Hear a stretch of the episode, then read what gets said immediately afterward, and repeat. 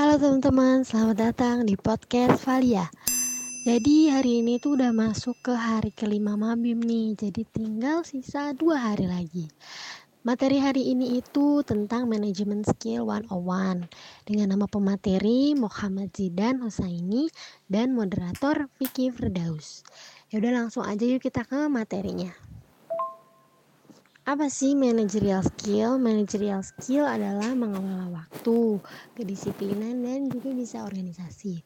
Manage skill itu perlu ya dilatih, bukan hal yang datang tiba-tiba. Banyak trial and error yang bisa diperbaiki dengan waktu. Mengapa hal itu penting? Karena mempertanyakan hal yang harus dicari merupakan dasar dari tujuan. Ada buku berjudul Start with Why dari Simon Sinek. Cara pemimpin besar menginspirasi orang untuk bertindak. Cara pemimpin mulai bertindak adalah dengan start with why. Start with why. Why? Kita harus punya banyak pertanyaan mengenai banyak hal tentang kenapa kita mau kuliah, kenapa kita mau kerja dan lain-lain. Gagasan why menyadarkan alam bawah sadar kita. Mulai dari why bukan what jika dimulai dengan why lebih long lasting dan impactful. Yang kedua adalah how, how it works. Ketika punya keinginan, bagaimana cara melakukannya? Analogi kepemimpinan, jika mengerjakan sesuatu harus banyak mendengar.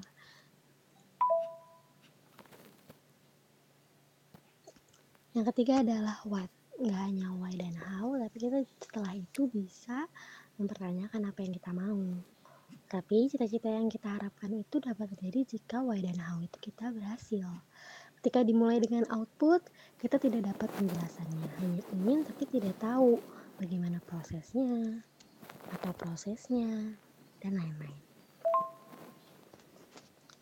Ada tiga siklus penting untuk uh, membuat perkembangan manajemen skill kita lebih baik, yaitu spiritual, sosial, dan sains harus imbang.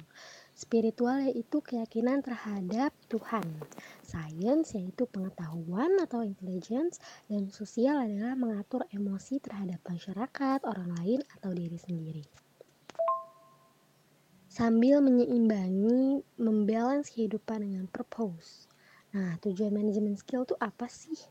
Agar semua proses kita dapat berjalan dengan baik. Apa yang kita manage untuk kehidupan bisa disesuaikan dengan apa yang kita jalankan.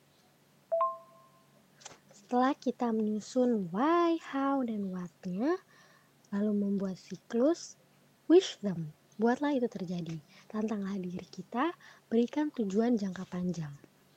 Bagaimana caranya? Kita dapat melalui beberapa fase di antaranya. Yang pertama, ikut organisasi. Kita bisa ikut organisasi sesuai kebutuhan aja dengan bertanggung jawab tentunya. Yang kedua adalah ikut kompetisi, sesuaikan dengan kemauan kita apa yang kita suka, apa yang kita mau gitu ya. Lalu kita juga bisa uh, ikut kerja. Syaratnya itu dapat memanage diri, membagi waktu dan mana yang prioritas. Nah, uh, bisa juga kita terjun ke dunia bisnis. Yang terakhir adalah networking atau relasi. Ada beberapa cara untuk mendapat relasi, bisa lewat mentor, kakak kelas, mentor siapa aja, bisa lewat jalan-jalan. Jadi kalau jalan-jalan tuh kita nggak cuma jalan-jalan aja tapi uh, ketemu orang bicara sama orang sharing gitu. Juga bisa berteman. Karena kan uh, setiap manusia itu makhluk sosial kan. Jadi kita berteman aja dulu sama siapa pun.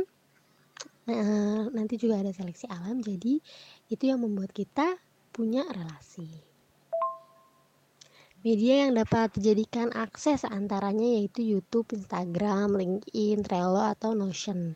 Media ini dapat digunakan dengan baik apabila menggunakan sesuai kebutuhan, namun dapat dimaksimalkan. Tetapi apabila disalahgunakan bisa sangat berdampak buruk atau bisa kecanduan atau um, bisa disalahgunakan dan lainnya. Buatlah roadmap sesuai kebutuhan lewat produk roadmap dan buatlah timeline perkiraan waktu. So, are you ready to be entrepreneur? Untuk menjadi entrepreneur perlu melewati beberapa fase di atas.